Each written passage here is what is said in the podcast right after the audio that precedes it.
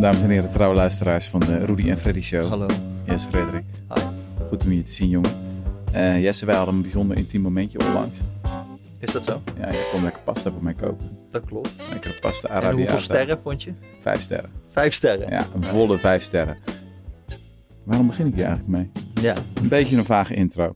Ehm, wij hebben een podcast waar ik al een hele tijd eh, naar heb zitten uitkijken. Ik wilde hem al een hele tijd maken. En we gaan het doen over iets best wel krankzinnigs dat er is gebeurd in de Nederlandse politiek. Ik vind het echt een ontzettend lijp verhaal eigenlijk. Uh, we gaan die podcast doen met uh, Kamerlid Leonie Vestering. Uh, die is nu in de studio. Hallo. Van harte welkom. Dank je. ik ga even een korte intro er doorheen rammen. je bent hoornspeler, ex-conservatoriumstudent, fan van Star Wars muziek. van 2009 tot 2015 directeur van de vereniging Wilde Dieren de Tent uit. verbod op wilde dieren. In circussen was het streven. Nou, dat is gelukt. Uh, dus de club heeft zichzelf opgegeven in 2015. Toen ging je de politiek in.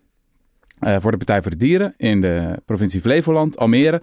En nu ben je al bijna twee jaar Tweede Kamerlid. Klopt helemaal. Korte, korte ja. samenvatting. Um, en er is iets gebeurd toen jij nog maar drie weken Kamerlid was. Um, je gaf jouw medespeech. Mm -hmm. Dat is een beetje de speech die je mag geven als je begint in de politiek, zeg ik goed toch? Ja, dat is je allereerste uh, speech in een plenaire zaal. Ja. Ja, dus een heel bijzonder moment. En dan ja. krijg je ook wat meer tijd, want normaal is natuurlijk een beperkt aantal minuten, maar... Nee, je krijgt nog steeds evenveel tijd, maar dan krijg je wel felicitaties daarna. Dus de sfeer is vaak wat, uh, wat gezelliger dan normaal gesproken in de, in de plenaire zaal. En ik had het geluk dat het mocht gaan over de wet dieren. Ja. En meestal zeggen mensen ook nog even iets persoonlijks over zichzelf in, uh, in zo'n speech. En ik heb daar lang over nagedacht. Maar ik dacht, ja, ik ga het gewoon over de dieren hebben. Dus ik heb het, uh, ik heb het daarover gehad. Gewoon helemaal over de inhoud. Ja. Um, jij begon je speech met de opmerking... alle eendjes zwemmen in het water. Uh, behalve de 8 miljoen eenden in de Nederlandse eendenhouderij. Want die voelen voor het eerst water in het slachthuis. Ja. Um, waardoor ze ondersteboven aan haken onder water worden getrokken in een elektrocutiebad. Um, en dat was eigenlijk ook meteen aanleiding om iets ja, behoorlijk interessants te doen. Namelijk, je diende meteen al een amendement in. Ja. Um, en nou vind ik het interessant om even die tijdlijn door te gaan met jou.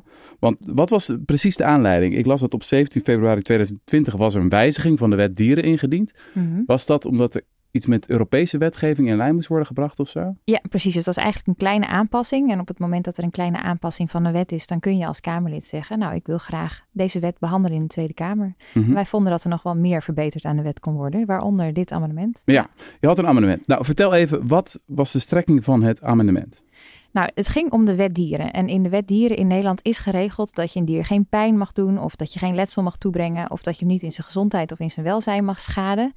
Tenzij dat voor een redelijk doel is. Mm -hmm. En dat is een open norm. Zo kennen we ook de wetgeving in Nederland. Zo is dat geregeld, zodat je niet voor iedere manier hoe we met dieren omgaan opnieuw naar hè, de Tweede Kamer hoeft te gaan om een nieuwe wetgeving te maken. Dus dat is open geregeld. En dan kun je met elkaar de discussie gaan voeren over wat is nou een redelijk doel. En wij vonden de manier zoals dieren in de veehouderij worden gehouden, ja, dat vinden wij geen redelijk doel. He, de stalsystemen zoals wij kennen, zoals bijvoorbeeld varkens die klem liggen tussen metalen stangen, ja, is dat redelijk of niet? Omdat je he, als veehouder dat nou eenmaal praktischer vindt, omdat het economische belangen boven dierenwelzijn staat. En wij vonden dat niet alleen, want het was ook al een belofte van minister Brinkhorst 20 jaar geleden en minister Verburg. Dus het was een idee dat al veel langer uh, gold, een belofte die al heel vaak gemaakt was aan de dieren, mm -hmm. maar die nooit was waargemaakt. Oké, okay, dus we pakken het amendement even bij. Ik zal Ja. hem even voorlezen. Het uh, schitterende proza. Aan artikel 2.1, eerste lid, wordt een zin toegevoegd. Luidende, onder een redelijk doel wordt in elk geval niet begrepen het kunnen houden van dieren in een bepaald houderijsysteem of een bepaalde wijze van huisvesting. Dus het was eigenlijk altijd al zo dat in de wet stond, je mag een dier niet pijn doen als je geen redelijk doel hebt. Klopt. Alleen het amendement maakt dat preciezer. Zegt eigenlijk van een bepaald houderijsysteem, dat vinden wij niet Ja. redelijk. Ja, de politiek doet eigenlijk een hele duidelijke uitspraak over wat wij redelijk vinden en wat niet. Ja. En in een toelichting van een amendement, of eigenlijk een soort memorie van toelichting, eh, leg je als wetgever uit wat daar nou precies allemaal onder kan vallen. Ja, die heb ik hier ook bij. Uh, dan wordt inderdaad beschreven van zowel tijdens het tweede Paarse kabinet in 2002 als uh, in het kabinet Balkenende in 2007 werd eigenlijk gezegd van we gaan het perspectief van het dier centraal stellen. Ja, En niet meer het dier aanpassen aan het systeem, maar het systeem moet zich aanpassen aan het dier. precies. Zodat het dier het natuurlijk gedrag kan ja, laten zien. En dat doen we uiterlijk over tien jaar. Dus uiterlijk 2000, eh, tenminste doen we in 2012 en uiterlijk 2022. Nou ja, ik dacht laten we dat gaan waarmaken. Dus dat we zorgen dat dit amendement, deze wetswijziging ingaat op 1 januari 2023. En als we die oude beloftes een keertje gaan nakomen. En wat wordt er dan eigenlijk elke keer gezegd als die beloftes niet worden nagekomen? Waarom? Ja, er is echt al heel veel gebeurd op dierenwelzijnsgebied. Nou, dat valt natuurlijk hartstikke tegen. En tegelijkertijd, uh, ja, we gaan in gesprek met de sector. Dus vooral maar praten, praten, maar die wetgeving die blijft achterwege. Terwijl Mhm. je ziet dat uh, omringende landen, zoals Duitsland, wel degelijk wetgeving uh, vast gaan leggen om te zorgen dat het welzijn van dieren beter wordt beschermd. Ja, dus Nederland is echt een polderland en de dieren zijn daar de slachtoffer van. Oké, okay, laten we nog even uh, die tijdlijn verder aflopen. Ja. Dus even kijken, 17 februari 2020 die wijziging van de wet dieren ingediend, dan 11 mei 2021 wordt jouw amendement aangenomen. Je bent nog maar drie weken Kamerlid en dan, dan gebeurt het al. Uh, voorstemde fractie Den Haan, de SP, GroenLinks, bij 1 Volt, de PvdA, Partij voor de Dieren, D66, de PVV, Ja21 en Forum voor Democratie. Mm -hmm. uh, Forum voor Democratie bleek per ongeluk voor te hebben gestemd. Um, en mijn indruk is dat dat voor Ja21 en PVV achteraf misschien ook geldt.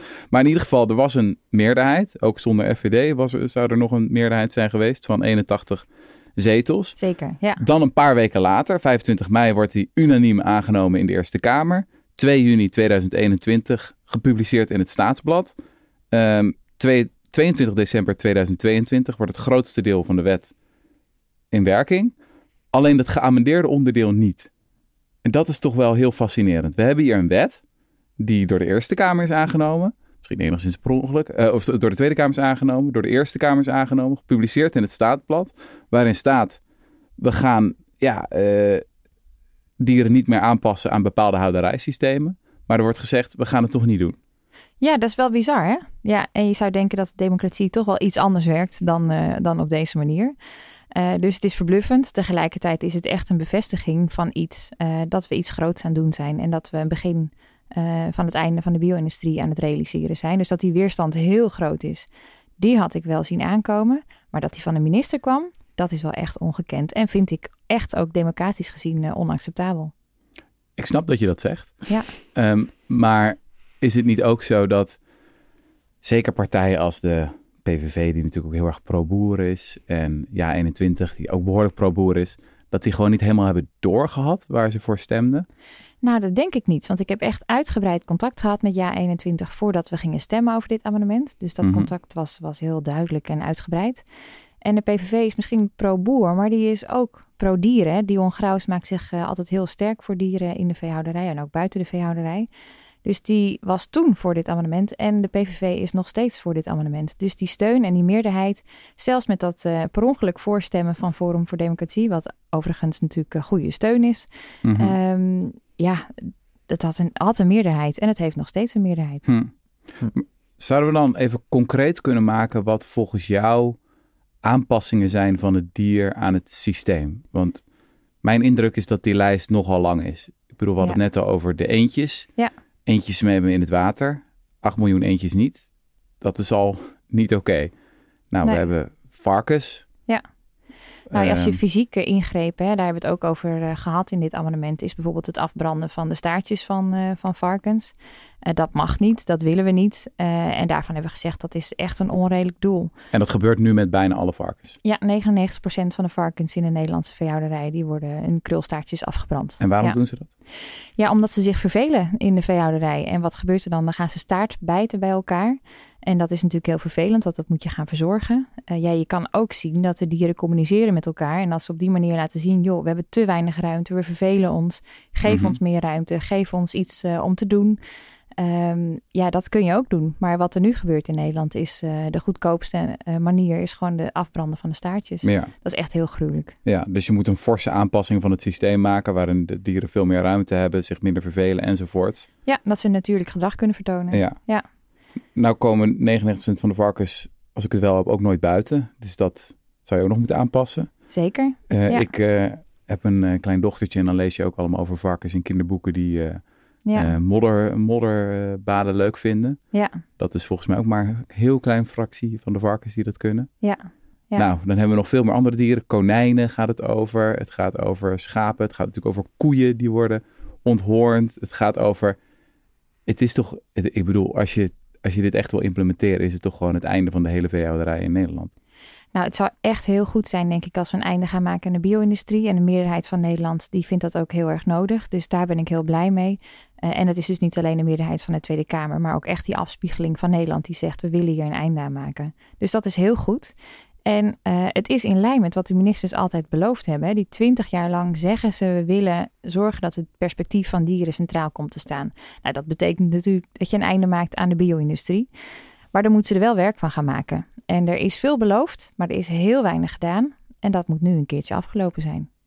Wat ik ook wel fascinerend vind aan die wet dieren is dat je dan, als, als je gewoon dat leest, dat, twee, dat de artikel 2 meteen over wat dierenmishandeling dan is, dan staat er eigenlijk van, ja, je mag geen pijn geven tenzij er een redelijk doel Ja. eh, mee is gediend. Maar dan denk ik eigenlijk al van, ja, het kan me goed voorstellen dat men tegen 2100 ook zegt van, ja, waarom is eigenlijk dit amendement nodig? Waarom eh, kan je niet nu al zeggen dat het geen redelijk doel dient? Er zijn toch een heleboel dingen die we doen met dieren eh, waarvan, je, waarvan een rechter zou kunnen zeggen op dit moment al van dat deugt niet. Maar wordt dat dan niet gedaan of zo? Of waarom wordt dat... Ja. Want het klinkt al heel breed eigenlijk. Het moet Ja. een redelijk doel dienen. Dat is een goede vraag, want inderdaad, eh, je kunt je afvragen of een redelijk doel niet al eh, eh, geregeld was in de wet. Hè, dat je Mhm. dat nu specifiek maakt als wetgevende macht, maak je het eigenlijk veel duidelijker. Want anders laat je het over aan de rechter. Die moet toetsen wat nou wel of niet een redelijk doel is. Maar wij als politiek moeten daar natuurlijk gewoon een heel duidelijke uitspraak over doen. En dat Mhm. hebben we gedaan. Want het is wel, ook als je dan die wet leest, dan is het een beetje een hele, hele rare willekeurige opsomming die er dan na- daarna komt van dingen die waarschijnlijk wel diermishandeling zijn. Ja. Dus je Ja, hebt eerst dat soort van, de, je hebt Ja. eerst soort van, ja, het moet een redelijk doel dienen. En dan staat er een soort van specificatie. Dan moet je denken aan deze dingen, zoals een hond als trekkracht gebruiken met uitzondering van de sledehondensport voor zover toegelaten. Ja. Of eh, een koe met overvolle uier vervoeren of op een markt of openbare verkoping ter- verkoop houden.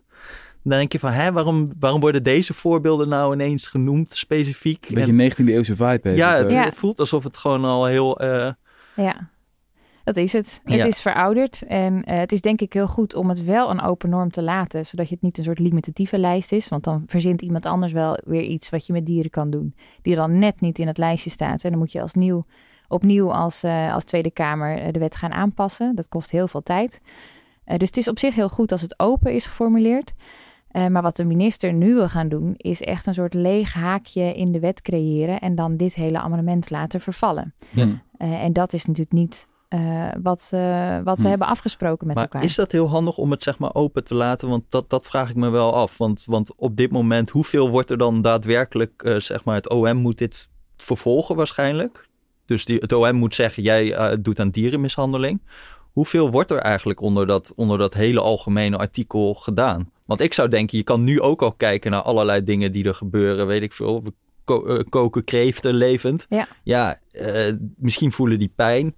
Dient dat een redelijk doel? Volgens mij niet echt. Het is helemaal niet nodig. Maar wordt daarover vervolgd? Doet het OM dat echt? Kan je dan Nou. niet beter gewoon een lijst opnemen, zodat zij ook weten wat ze moeten doen? Nou, daarom kun je bijvoorbeeld wel voorbeelden opnoemen, wat ik ook Mhm. gedaan heb in de toelichting van, eh, van het amendement. Dus dat is eigenlijk hoe de wetgever het bedoeld heeft. En als je dat eh, voor de rechter brengt, eh, dan gaat de rechter kijken naar wat, welke informatie is daarover beschikbaar. Dus wat is, staat er in de memorie van toelichting, maar ook welke debatten zijn er over gevoerd in de Tweede Kamer. Ja, dus ja. ook daar wordt gekeken naar in hoeverre heeft de wetgever het bedoeld. En dan Mhm. kan er ook gekeken worden naar is er inderdaad ook een meerderheid ehm, voor het eh, stoppen van het eh, levend koken van kreeften. Ja, dus ik pak de toelichting Ja. er even bij. Ehm, daar lezen we... Op dit moment worden dieren in de gangbare Nederlandse veehouderij nog altijd ernstig beperkt in hun natuurlijke gedrag. Zo hebben eenden in de eendenhouderij geen toegang tot zwemwater en worden konijnen in de konijnenhouderij gehouden in kooien zonder mogelijkheid om bijvoorbeeld te graven. Met fysieke ingrepen zoals het couperen, dat is het afknippen van die biggestaartjes. Ja. Onthoornen van kalfjes en geiten, het verwijderen van de achterste tenen bij hanen, die als ouderdier worden gehouden. Wat zijn ouderdieren ook alweer? Dat zijn de dieren die uiteindelijk de jongere dieren krijgen, die worden gebruikt in de vee- en eh, in de vlees- en de eierindustrie. Oh ja, ja. Dus dat zijn allemaal voorbeelden van in de veehouderij. Ja, het lijkt me dat je hier niet omheen kan. Het zijn toch hele evidente voorbeelden Ja. waarin het dier wordt aangepast aan het systeem. Dat lijkt mij ook. En die ook Ja. economisch gezien absoluut noodzakelijk zijn voor het voortbestaan van de veehouderij in Nederland. Want als je dat niet gaat doen, ik bedoel biologisch, wat is dat nou? Dat is 1, 2 procent of zo. Dat is heel erg Dan, beperkt. wordt, dan wordt, Ja. worden vlees en zuivel peperduur. Dan is het gewoon toedeledokies, toch?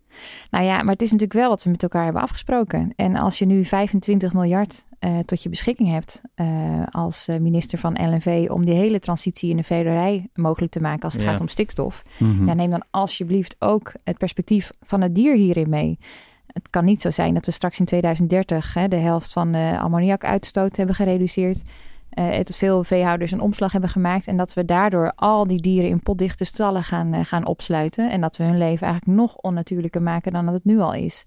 Dus ik vind het wel heel belangrijk dus om nu al in die transitie dit perspectief ook mee te nemen. Ja, En jij zei, jij zegt dan van het, het wordt dan vreselijk duur. Ik heb een keer bij KIP, bij de Wageningen Universiteit, die toen verschillende soorten kip ging kijken van eh, in verschillende productiesystemen, hoeveel geld kost dat nou extra? Mhm. Ik geloof als je een soort van de supermarktkip, dus die is al iets beter dan wat je bij zegt de Burger King krijgt. Mhm. Dat kost dan eh 1 euro en 3 cent per kilo. En dan eh, als je het om te produceren en als je het zeg maar helemaal biologisch wil, is het 2 euro en 1 cent. Dus het is twee keer duurder. Ja, Maar is het nou kan nog 1 steeds, euro per keer, zeg maar. Het is allemaal sowieso niet echt heel erg wereldschokkend of zo. Nee. nee. Nou ja, wat het goede nieuws is, Ja. is dat eh, plantaardige alternatieven voor vlees en zuivel inmiddels goedkoper zijn geworden dan dierlijke eh, producten. Dus dat maakt eh, wel dat het voor mensen ook betaalbaar is. Hè? Niet iedereen kan die 1 euro extra neerleggen voor, Mhm. voor voedsel. Eh, dus het goede nieuws is dat het meest duurzame en diervriendelijke, namelijk plantaardig voedsel, dat het steeds goedkoper wordt. Eh, dus daarmee kun je ook mensen helpen om, eh, om die omslag te maken. Dus dat vind ik wel heel erg belangrijk. Eh, en daarnaast, ja zeker, wat is het je waard? Nu betalen we natuurlijk ook verschrikkelijk veel landbouwsubsidies vanuit belastinggeld en gemeenschapsgeld voor die intensieve veehouderij. Mhm. Als we daarmee stoppen, wordt het natuurlijk vanzelf ook een Hm. heel stuk duurder. Is Ja. het niet zo dat deze wet of dit amendement ten diepste gewoon een spagaat blootlegt? Beetje, de- je zou het de Dion Grauw spagaat kunnen noemen. Van aan de ene kant zijn we de beste vriend van de dieren. En aan de andere kant zijn we de beste vriend van de boeren. Maar Ja. dat kan niet allebei. Ik denk dat het wel kan. Ja, omdat eh, ik denk dat het liefste boeren eh, hun dieren allemaal bij naam zouden kennen in plaats van eh, bij nummer en oorlabel. En dat niemand echt zit te wachten op een stal met 40.000 kippen vol. Ik geloof niet dat mensen daar heel erg gelukkig en blij van worden. Het is ook nog eens heel erg slecht voor je gezondheid. Dus uiteindelijk, als je kijkt naar het perspectief van boeren, eh, dat het heel fijn is om weer terug te gaan naar, ehm, naar eh, bedrijven waarin je samenwerkt met de natuur, waarin je heel erg veel dieren hebt. Maar dat zijn dan de insecten en de vlinders en de bijen en eh, de gronddieren die daar leven.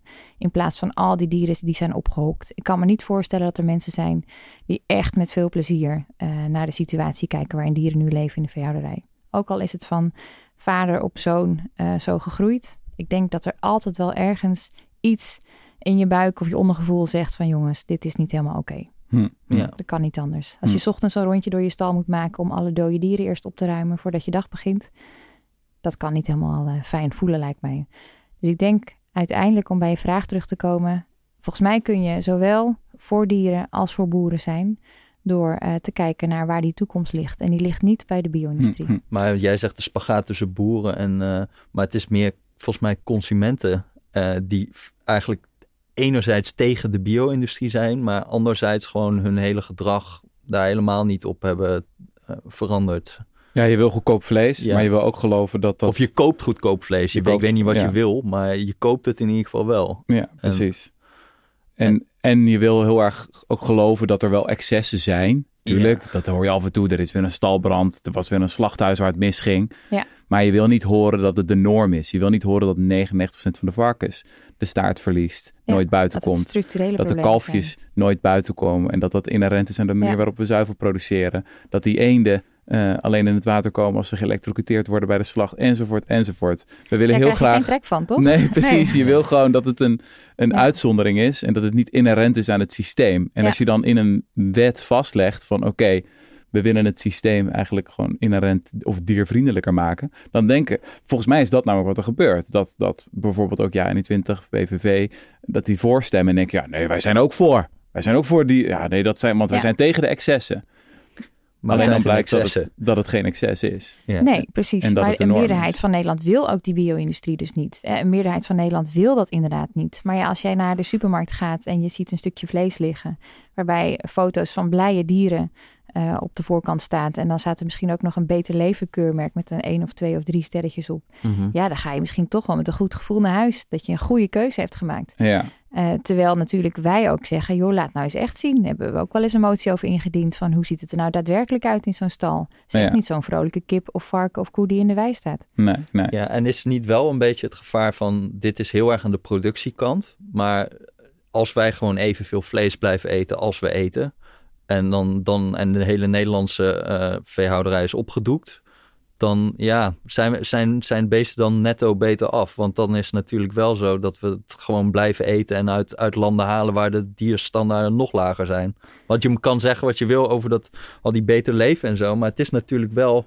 Volgens mij zijn wij een van de weinige landen ter wereld waar die supermarkten eh, gewoon hebben gezegd van we willen langzaam groeiende kip. En we willen niet, eh, zeg maar, allemaal van die eh, de, de, gangbare productiekip, zeg maar. Ja, nou, ik vind Nederland toch niet het allerbeste jongetje van de klas. We zijn het meest veedichte land van heel de wereld. Eh, en we exporteren verschrikkelijk veel dieren. Dus 75% van alle vlees wordt geëxporteerd naar het buitenland. Nou, laten we daar in ieder geval al mee stoppen. Ook heel erg belangrijk om onze klimaatdoelen te halen. Als we dat namelijk niet doen, hè, als we die 75% minder dieren niet gaan realiseren, dan gaan we onze klimaatdoelen ook niet halen. Dan gaan we onze stikstofdoelen ook niet halen. Dus dat is sowieso al wat nodig is. Nou, dan geef je de dieren daarmee ook automatisch meer ruimte. Ehm, en dus dat is al belangrijk. En daarnaast is denk ik ook, of vind ik ook eh, het ministerie verantwoordelijk voor die transitie naar meer plantaardige eiwitten. Ja. En je ziet wel dat daar wat, wat lichte beweging in is, maar ondertussen is het echt nog een taboe. En zie je ook wel dat in campagnes rondom de Klimaatweek eh, het de minister van LNV is die zegt we gaan het niet hebben over meer eh, plantaardig eten of meer vegetarisch eten. ja, ik zat dat te denken bij die gezonde schoollunches of zo, was nu geld voor. Stel nou dat je nou zou zeggen van dat moet dan vegetarisch of plantaardig zijn. Ja. Volgens mij krijg je dan gelijk een soort van culturele identiteitsstrijd over dat, over ja, dat kan toch niet dat de overheid dat zou zeggen. Terwijl dat eigenlijk wel, dat je denkt van ja, dat zou heel verstandig zijn. Of gewoon, ja, daar wordt ook wel over gesproken en het is ook natuurlijk super gezond. Hè? ja. En laten we ook vooral eh, onze groenten en fruit eh, voldoende binnenkrijgen. Eh, en die eiwitten, ja, die zijn er nu gelukkig dus ook veel betaalbaarder eh, dan misschien in de eerste dagen dat, eh, dat ze geproduceerd werden. Hm. Dus dat is er en het kan en het is verschrikkelijk hard nodig. Maar je bent niet bang van dat als we gewoon alle producenten in Nederland gewoon sluiten, dat we dan alsnog uit Italië of weet ik het halen en waar de, de, de standaarden eigenlijk nog beroerder zijn. Nou ja, dat kan als je dat vandaag direct zou doen. Mhm. Dat is natuurlijk sowieso al een uitdaging. Dat mensen natuurlijk het el- van elders gaan halen. hè. We halen ook trouwens onze groenten en fruit van over heel de wereld. Dus naar die vrijhandelsverdragen overigens moeten we natuurlijk ook kijken, vinden we als eh, Partij voor de Dieren. Dat helpt, eh, helpt ons ook niet. Ehm, maar ik vind wel dat op het moment dat we nu gaan zeggen 75% minder dieren houden in de veehouderij, dan kunnen mensen nog steeds evenveel barbecuen. Dus daar hoeven ze zich in Nederland niet, eh, niet zorgen over te maken. En we zetten ernaast in op meer plantaardig voedsel. Dus die omschakeling. En daarbij, hè, als je op een gegeven moment gaat belasten, eh, de vervuiler gaat belasten, dan maak je dierlijk voedsel maak je veel en veel duurder. Eh, en plantaardige voeding wordt daardoor automatisch een stuk goedkoper. Mhm. En dit omslag, omslagpunt hebben we vorig jaar al gehad. Dus daarmee kun je mensen ook eh, aanmoedigen en helpen om die transitie te maken Mhm. naar meer Hm. duurzamer voedsel. Ja, dus ik denk dat dat wel kan. En dat dat ook wel gebeurt. Maar ja, wat mij betreft mag dat natuurlijk wel iets sneller. Want het gaat om 600 miljoen dieren eh, die jaarlijks worden gebruikt en geslacht in de Nederlandse veehouderij. Dat zijn er misselijkmakend veel. Mhm. Ehm, dus ja, als je gaat nadenken over hoeveel levens en hoeveel individuen dat zijn, ja, Ja. dan wil je dat, eh, dat het wel even ietsje Ja, sneller het zijn er wereldwijd 700 miljard. Ja, gruwelijk toch? Dat is toch niet te beseffen hoeveel Bij- en dan dieren vooral dat kippen zijn. trouwens. Ja. Dat doen we trouwens ook denken aan nog een ander probleem. Als het gaat over kippenwelzijn, wat dus het grootste, gewoon puur qua aantallen, het grootste probleem is in de bio-industrie. Dan heb je het volgens mij niet zozeer over het systeem waarin die kippen worden gehouden. Waarin ze inderdaad vaak weinig ruimte hebben en niet de ruimte hebben om een stofbad te nemen bijvoorbeeld. Maar het gaat echt over de kippengenetica. Ja. Dus wij hebben eh, min of meer twee soorten kippen wereldwijd. Ik heb me daar laatst in verdiept. Dus je hebt twee bedrijven. Wat is het? Aviagen en Cop Ventures. Die hebben allebei een paradepaardje. Dus je hebt de Cop 500. Die heet de kop 500 omdat die vijf keer beter was dan de kop 100. Uh, stukje innovatie. Uh, en je hebt de ROS 308. Dus ongeveer 90% van de kippen wereldwijd, dat zijn een van die twee kippen. Uh, en die zijn eindeloos doorgefokt sinds de jaren 50 eigenlijk. Om ja, zoveel mogelijk vlees te produceren. Alleen het neveneffect daarvan is dat ze eigenlijk permanent pijn lijden. Of dat ze eigenlijk ja, gemaakt zijn om ten onder te gaan. Um, dus uh, je hebt ook van die studies dat je dan uh, twee bakjes voer geeft aan de kippen. En de ene is met pijnstiller en de ander zonder. En eigenlijk vrijwel al die kippen van, die, van de, zeg maar de kop uh, eh, 500 en de ros 308, ja, die geeft altijd de voorkeur aan voedsel met pijnstilling. Want ze zijn zo gegroeid dat ze eigenlijk permanent last hebben aan hun ledematen en hun spieren en noem maar, maar op. En dat ga je niet oplossen met een aanpassing aan, aan het systeem. Het is gewoon, we hebben het dier zelf gemaakt om pijn te lijden. Ja, wij zeggen dus wel in dit amendement, we gaan dieren niet meer aanpassen aan het systeem. Dus nu ook dat er extra ribben bijvoorbeeld worden uh, ja, gefokt bij dieren, zodat je mhm. meer sperribs kunt verkopen of meer tepels bij varkens, zodat ze meer biggetjes kunnen voeden. Mm ja, daar moet je gewoon natuurlijk mee ophouden. Je bent dieren echt aan het aanpassen, zodat jij er als boer zoveel mogelijk uh, aan kunt uh, verdienen. Het is echt het uitmelken van, van dieren tot op de laatste druppel. Ja. En heb je het gevoel dat hierover dan ook echt een serieus gesprek is in de Tweede Kamer? Dus zeg maar partijen die hier niet, een CDA of zo, voelen die dit ook? Of is daar een gesprek over mogelijk? Nou ja, zij hebben natuurlijk ook gezien dat, uh, dat dit amendement is aangenomen. Ze hebben zelfs ook voor de gehele wet gestemd in de mhm. Eerste Kamer.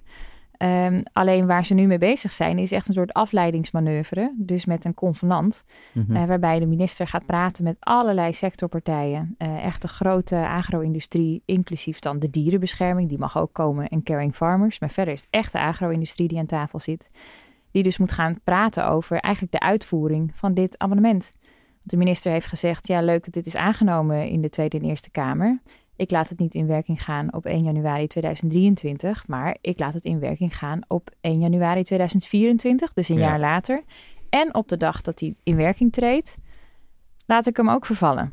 Ja, ja, ja. En dan kom ik met een nieuw haakje in de wet. Dus dat is in het volgende lid, eh, waarbij ik ga verwijzen naar een ANVB. Een ANVB is een algemene maatregel van bestuur. Mhm. En wie gaat erover? Nou, niet de Tweede Kamer, niet de Eerste Kamer, maar de minister zelf. Maar nog even terug dat laten vervallen. Een minister kan niet zomaar een wet laten vervallen, toch? Daar moet dan de Eerste en de Tweede Kamer, ook weer voor stemmen. Ja. Dus het is eigenlijk een beetje dat het parlement eh, zich heeft gerealiseerd van... oh shit, wat hebben wij nou doorgevoerd? Dit was niet de bedoeling. Dus die, gaan, die stemmen daar dan ook voor. Nou, en daardoor kan het vervallen. Ja, het wordt nog voorgelegd aan, uh, aan de Tweede Kamer. Dat, dus moet, dat moet nog gebeuren. Maar dat is eigenlijk het moment dat jij straks kan zeggen van... Eigenlijk zie je wel, weet je wel. Precies. Ik heb het blootgelegd. Eerst wilden jullie dit. Ja. Nu blijkt wat de consequenties zijn. Namelijk dat je niet en tegen dierenleed kan zijn en voor de bio-industrie. Ja. Uh, ja. Maar nog steeds ook echt belangrijke partijen binnen de coalitie D66 blijft ons amendement steunen. Dat geldt ook voor de PVV. Mhm. Dus ik maak me daar nog geen zorgen over. Oh, het is nog geen gelopen race? Nee, zeker niet. Dus de minister wil het laten vervallen mhm. op 1 januari 2024? Ja. ja. Maar alles hangt af van Dion. dat klinkt het wel heel spannend. Ja, nou, of ja 21 heb je denk ik ook nodig of niet voor steun ja. om het sommetje rond te maken. Ja, en dat maakt, als je kijkt uh, naar wat nodig is, uh, uh, ja, is dat dus minister met een, een nieuwe wetsvoorstel komt. Nou, die heeft hij geschreven en die heeft hij voorgelegd aan de Raad voor State. En die zegt hoe de minister het nu probeert met zijn wetswijziging, dat de wil van de wetgever niet wordt uitgevoerd. Want mhm. hij focust zich in het convenant waar hij straks mee gaat komen. Um, volledig op het natuurlijk gedrag kunnen vertonen van dieren. Maar het hele aspect van dat je een dier niet in zijn welzijn of in zijn gezondheid mag benadelen. of hem geen pijn of letsel mag toebrengen. dat is hij per ongeluk vergeten. Dus dat staat dan weer niet in het convenant strakjes. Plus, wat er uit het convenant komt, dat weten we helemaal niet. Dus dat is leeg. En je laat daarmee de sector de wet herschrijven. in plaats van dat je de Tweede Kamer Hm. de wet laat schrijven. En even, want, want de kritiek van uh, de minister is dan uiteindelijk van... Uh, hij, schrijft, hij heeft een hele grote lange brief. Daar hebben ze wel wat mee bij dat ministerie trouwens. Een enorme papierfabriek. Maar goed, die mm heeft dan een, uh, een, een brief. En hij zegt eigenlijk van... ja, dat huidige amendement is gewoon veel te onduidelijk. Hm. je kan eigenlijk ook niet eens zeggen of het op huisdieren bijvoorbeeld van toepassing is. Dat is dan iets wat, wat zij gebruiken. En op zich heeft hij daar niet ook een beetje een punt? Want hoe het nu is geformuleerd is gewoon een bepaald, uh, wat was het, een houderijsysteem of een manier van, uh, van houden die niet klopt. Ja, dat kan van alles zijn. Dat kan natuurlijk ook een vogel in een kooitje of een, of, of een goudvis in een aquarium zijn. Nou, er staat op zich was natuurlijk de oorspronkelijke wet was vaag. Die was gewoon redelijk Ja, die was al vaag. En, en dit, het wordt dan Onder een redelijk doel wordt in elk geval niet begrepen het kunnen houden van dieren in een bepaald houderijsysteem of een bepaalde wijze van huisvesting. Precies, ja. En als je dan een toelichting leest, dan gaat hij echt over dieren in de veehouderij. Dus zo heeft de wetgever het bedoeld. Nou, dat weet ik niet trouwens. Dat heb ik je eerder horen zeggen. Ja. Je geeft, er staan inderdaad voorbeelden van dieren in de veehouderij. Maar er staat niet van dit gaat alleen op voor dieren in de veehouderij. Nee, en ik moet wel zeggen, eh, en dat moet ik een beetje bekennen, je gaat natuurlijk wel fantaseren van, goh, ja, ja, wat zou dat gaan betekenen? Komt de mouw, ja. Ja, voor cavia's en voor hamsters en voor konijntjes die in eh, hele kleine hokjes worden gehouden bij mensen thuis. Um, maar ja, dan gaat er ook dan, als je het voor de rechter laat brengen, dan gaat hij kijken hoe heeft de wetgever het bedoeld. Uh, dus voldoende juristen hebben ook gezegd, als je puur kijkt naar het abonnement en de toelichting, uh, plus ook wat er gewisseld is in de Tweede Kamer, is het heel duidelijk dat het over de veehouderij gaat. Maar ik moet ook bekennen dat ik me ook wel eventjes heb verleid om na te denken. Ja. Wat zou het hm. heerlijk zijn als we hiermee niet alleen de dieren in de veehouderij, maar ook de huisdieren een uh, handje kunnen helpen. Ja, want in die, eigenlijk in de juridische analyse had hij meegestuurd bij die brief. de minister. Ja, de minister. Dus wij had een uh, soort van zijn eigen juristen, neem ik aan uh, die had hij daarna laten kijken en die zei van ja, of het kan heel beperkt zijn, de impact hiervan, dat het eigenlijk ook bijna niet is te bewijzen dat het dierenmishandeling is. Of het is heel, uh, heel erg breed en dat het ook geldt voor huisdieren. En, maar het is zo breed dat we dus moeilijk kunnen zeggen wat, wat nu eigenlijk dit amendement precies doet. Misschien is dat ook wel de bedoeling, is niet een bug, maar een feature. Maar Nou, het is vooral denk ik uh, kijken naar twee verschillende soorten reacties op het ministerie. Dus één, een mhm. brief aan de Kamer waarin heel veel twijfel wordt gezaaid. Dus dat is gewoon een politieke strategie.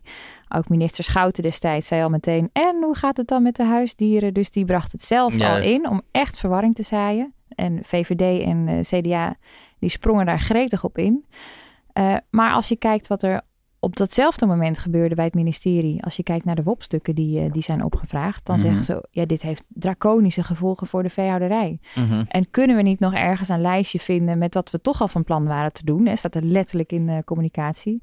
En zodat we dat dan aan de Kamer kunnen sturen. Van dit gingen we toch al doen. Dat zeggen ze er dan niet bij natuurlijk. Mhm. Maar kijk eens, we gaan het op deze manier uitvoeren. En dan kunnen ze er op die manier uh, vanaf komen. Want ook in die correspondentie ehm, ja, wordt de minister wel gewaarschuwd van wat mevrouw Vestering vraagt. En wat, het, wat de Kamers willen, is wel iets wat we al jarenlang zeggen te gaan doen. Is, is de angst dan dat er hetzelfde zou gebeuren als met klimaat en stikstof? Dat we ja, eerst in het parlement allemaal mooie afspraken maken, maar ja, niet echt willen beseffen wat het dan betekent. En dat dan de rechter aan de pas moet komen van nou, ik lees hier dat jullie deze afspraak hebben gemaakt. Nou, moet je het gaan doen ook. Ja, ja, het is wel vaak, komt het neer op de rechter uh, de laatste tijd, helaas. Um, blij dat dat natuurlijk wel gebeurt. Maar je zou natuurlijk willen dat de, dat de Tweede Kamer zelf uh, niet alleen maar blaft, maar ook gewoon bijt. Hm. En in dit geval hebben we dat denk ik gedaan. Um, en ik denk wel. Um, nou maar ja. is dat nou zo? Want, want, want, want eigenlijk laat je het nog steeds aan de rechter wat precies de invulling gaat zijn. Je zou ook kunnen zeggen, dat is dan ook wat, wat in die brief eigenlijk staat van waarom maken we niet gewoon, of dat zegt het OM geloof ik ook. Dus het Openbaar Ministerie zou hebben gezegd van ja, dit is moeilijk voor ons te bepalen waar dit nu precies begint en eindigt. Geef ons gewoon een lijst met dingen die niet mogen, dan kunnen wij handhaven. Maar nu is het voor ons eigenlijk moeilijk te zeggen wat, wat nu mag en wat niet mag. Nou ja, dus en eigenlijk heb je dan als Tweede Kamer toch ook juist uitbesteed aan allemaal ja, procureurs uh, bij, bij het OM, die dan maar moeten bepalen wat het precies is. Nou, het is ook wel zo dat we de minister gezegd hebben, je moet natuurlijk wel gaan zorgen dat dit straks in werking treedt. Hè? Dus dat mhm. hij hiermee aan de slag gaat en met zo'n lijst voor de handhavers, voor zijn handhavers ook gaat komen. Dat is natuurlijk helemaal prima. Mhm. uh, maar op het moment dat je echt puur naar de wetgeving gaat kijken en je gaat daar een soort limitatieve lijst opnemen, dan beperk je eigenlijk jezelf en daarmee ook dus de dieren om omdat je daarmee zegt, ja, dit is de lijst en eh, tot, eh, tot hier en niet verder. Ja. Uh, dus wij hebben wel ook de minister de opdracht gegeven, ook in de Kamer in de debatten, ga hiermee aan de slag. Maar wat hij nu doet, is hij laat het aan de sector over. En ik snap het ook wel, want we hadden het net even over stikstof en klimaat.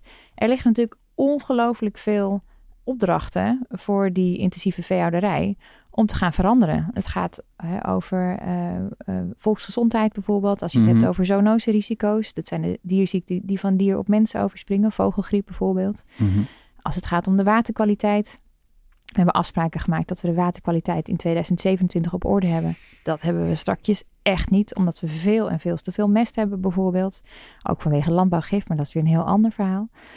Ehm, we hebben het over stikstof, over de natuur die achteruit holt. Het is zo'n verschrikkelijk veel opdrachten liggen er. En dat is omdat iedere minister van Landbouw en alle kabinetten achtereenvolgens continu die doelen vooruit hebben geschoven en het een beetje ja, niet aan hebben gedurfd. En dat zie je natuurlijk ook wel, dat nu er echt iets moet gaan veranderen. Ja, dan staat het Malieveld vol. Ja, we leven al heel lang in Lala-land eigenlijk.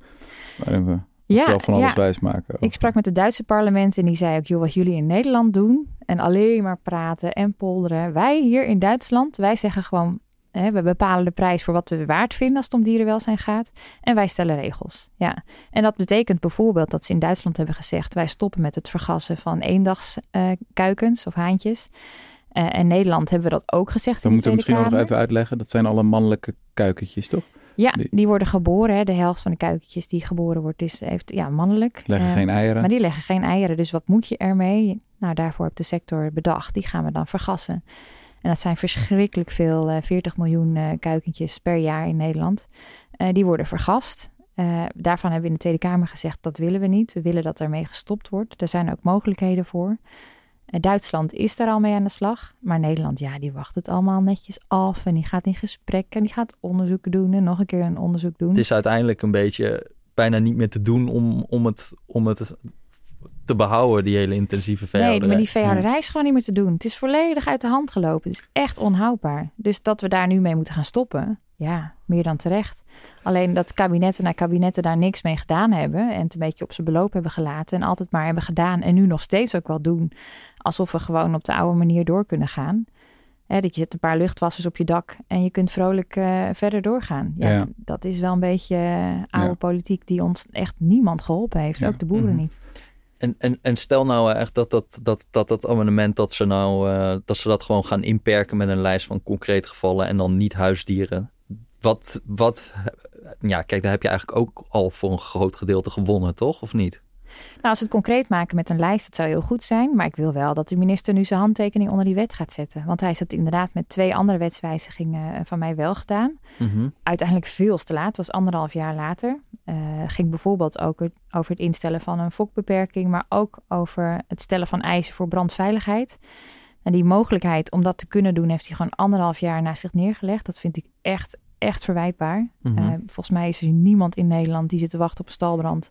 Maar die minister heeft het gewoon naast zich neergelegd. Ik vind het echt verschrikkelijk. Is dat iets wat je als minister gewoon kan doen? Dat je zegt, eh, ik ben mijn pen Het kwijt. is wel ongekend. ga- Het is echt ongekend. Ja, ja Ja, maar ja, zolang wel de in het kader coalitie... van eh, uitvoerbaarheid dat ze het soms wat later doen of zo. Maar hij heeft nu wel echt een soort vage staatsrechtelijke truc uitgehaald om er maar ervoor te zorgen dat het eigenlijk niet ingaat. Nou, de, de Raad van State heeft vorige Ja. week gezegd van wat er nu gebeurt, eh, dat, er moet je wel van hele goede huizen komen.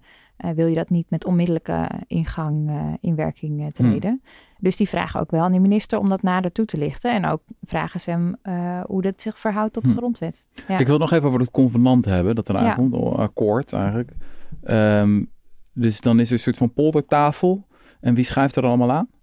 Ja, dat zijn echt de grote agro-sector. Dus dat is bijvoorbeeld de sector van de varkens en de sector van de kippen. En het is ook eh, eh, de supermarkten zitten aan tafel. Oké, En één, de dierenbeschermingspartij. Dus dat is de dierenbescherming. ja. En caring farmers. Dus dat zijn wel boeren die ook dieren houden. ehm, maar die daar toch meer ja, op een biologische manier eh, naar kijken. Oké.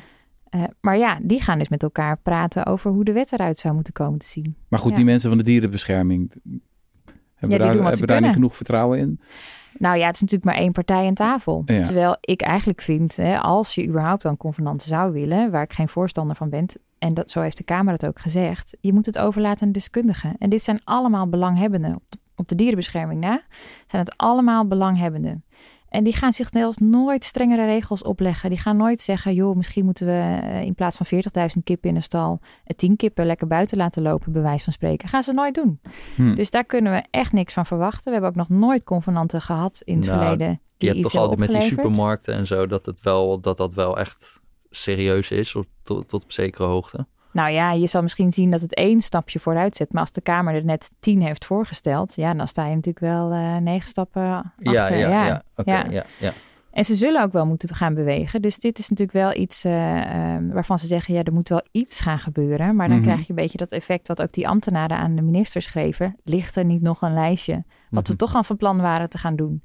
Mhm. Ehm, en ja, het moet gewoon een keertje afgelopen zijn. En Hm. dat, dat convenant, wa- want, want er kwam dus een algemene maatregel van bestuur. En dat Ja. wordt dan eigenlijk, dat convenant wordt dan in zo'n AMVB gegoten. Ja.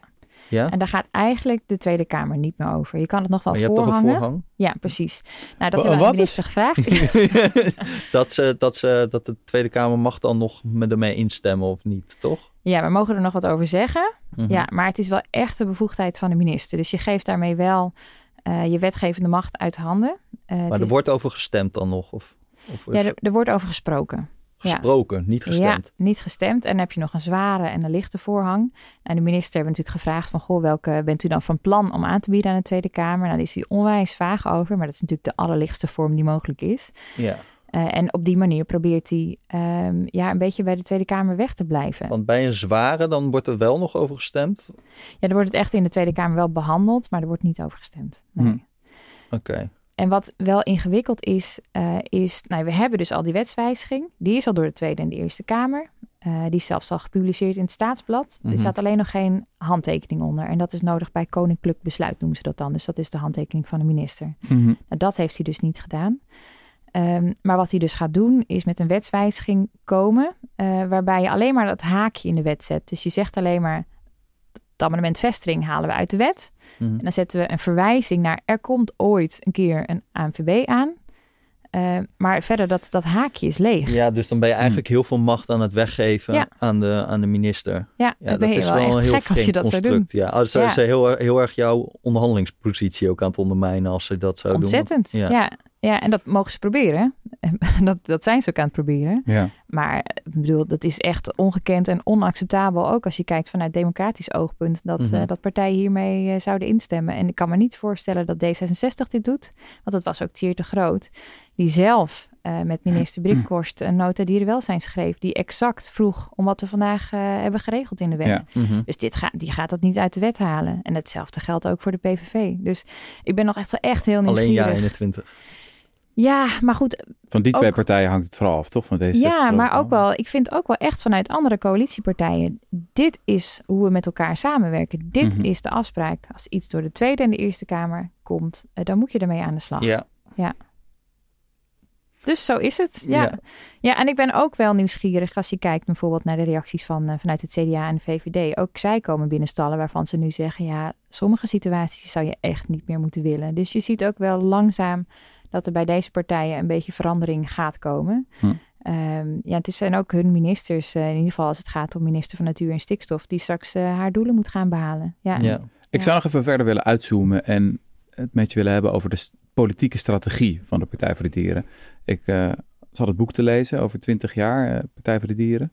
Ehm, en daarin wordt beschreven dat de partij eigenlijk vooral de, hoe noem je dat, de raam van Overton strategie heeft aangehangen, lange tijd. Dus het raam van Overton, dat is ooit in de jaren 90 bedacht door een man, Jozef Overton, die zei, als je ja, echt iets wil bereiken, als je echt iets wil veranderen, dan moet je herdefiniëren wat überhaupt acceptabel is, wat überhaupt wordt gezien als mogelijk beleid. En het raam is dan ja, het raam van het acceptabele eigenlijk. Beetje wat we normale ideeën vinden, van, van links tot rechts, wat vertegenwoordigd in de Kamer. En eh, als je echt wat wil bereiken, moet je dat hele raam verschuiven. Dat hele venster moet, moet een andere kant op. En in dat, dat boek staat dan van dat heeft de Partij voor de Dieren geprobeerd. Vooral door eigenlijk te getuigen en door eh, dierenwelzijn op de agenda te krijgen. En is daar volgens mij ook behoorlijk succesvol in geweest in de afgelopen twintig jaar. Het gaat veel meer over dieren. Het gaat veel meer over de bio-industrie en eh, de ellende die daarmee gepaard gaat. Ja. Ehm, maar nou is dat amendement zo interessant, omdat het je ook de mogelijkheid biedt een andere kant op te gaan. Want het is natuurlijk leuk als je het op een gegeven moment op de agenda hebt, maar op een gegeven moment wil je echt de resultaten gaan boeken natuurlijk. Voor die dieren, dat er daadwerkelijk iets gebeurt. ja. Ehm, en ik, ik was benieuwd hoe jullie het daarover hebben in, in de fractiekamer. Is dat aan het verschuiven? Is de Partij voor de Dieren een andere partij in die zin aan het worden? Want ik had het er net ook met Jesse over voor de opname van de podcast. Ik bedoel, deze situatie lijkt mij dat hij ook behoorlijk wat leverage, wat onderhandelingsmacht geeft. Om te zeggen van oké, nou ja, jullie staan een beetje in jullie hemd.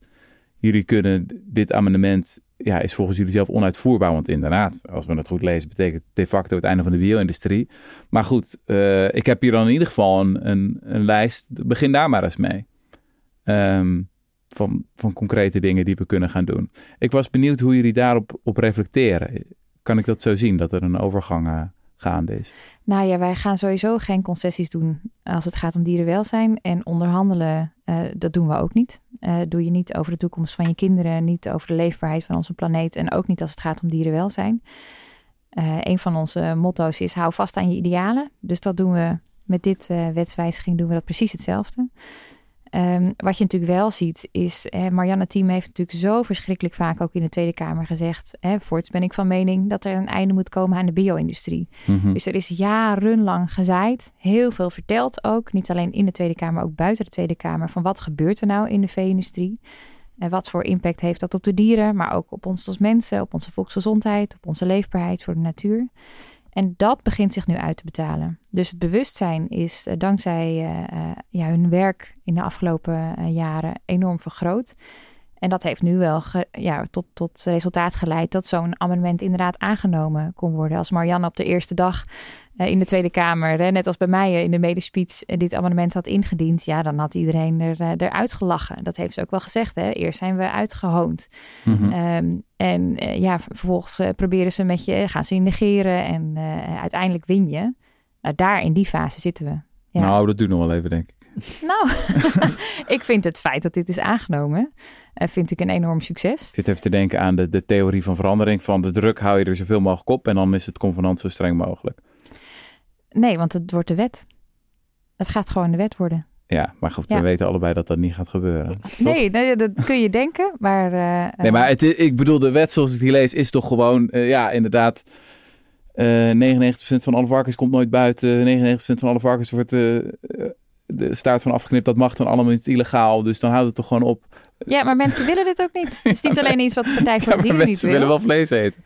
Ja, nou ja, dan kunnen ze het inmiddels plantaardig. Het smaakt inmiddels ja. uh, redelijk hetzelfde. En wij zeggen niet, je mag geen dieren meer gebruiken in de veehouderij. Je moet wel minder dieren. Maar dat moet je sowieso. Dus ook als je dit hele abonnement niet zou hebben... dan moet je straks je stikstofdoelen gaan halen. Je moet je klimaatdoelen gaan halen. En dan alsnog moeten we forst minder dieren gaan gebruiken in de vee-industrie. Dus hoe dan ook gaat er iets groots veranderen in de vee-industrie. En je zou wel ongelooflijk stom zijn als je daar dierenwelzijn niet in gaat meenemen. Helemaal mooi. Nou, ik vind het echt een fascinerende saga. saga. Het, legt, uh, het legt een heleboel bloot over de realiteit en de wensen over de bio-industrie in Nederland. Ja, de verschrikkelijk sterke lobby voor de bio-industrie. Ja, ja, maar wij zijn ook sterk. Heel veel dank voor je komst uh, en uh, tot de volgende keer. Graag gedaan. Dankjewel.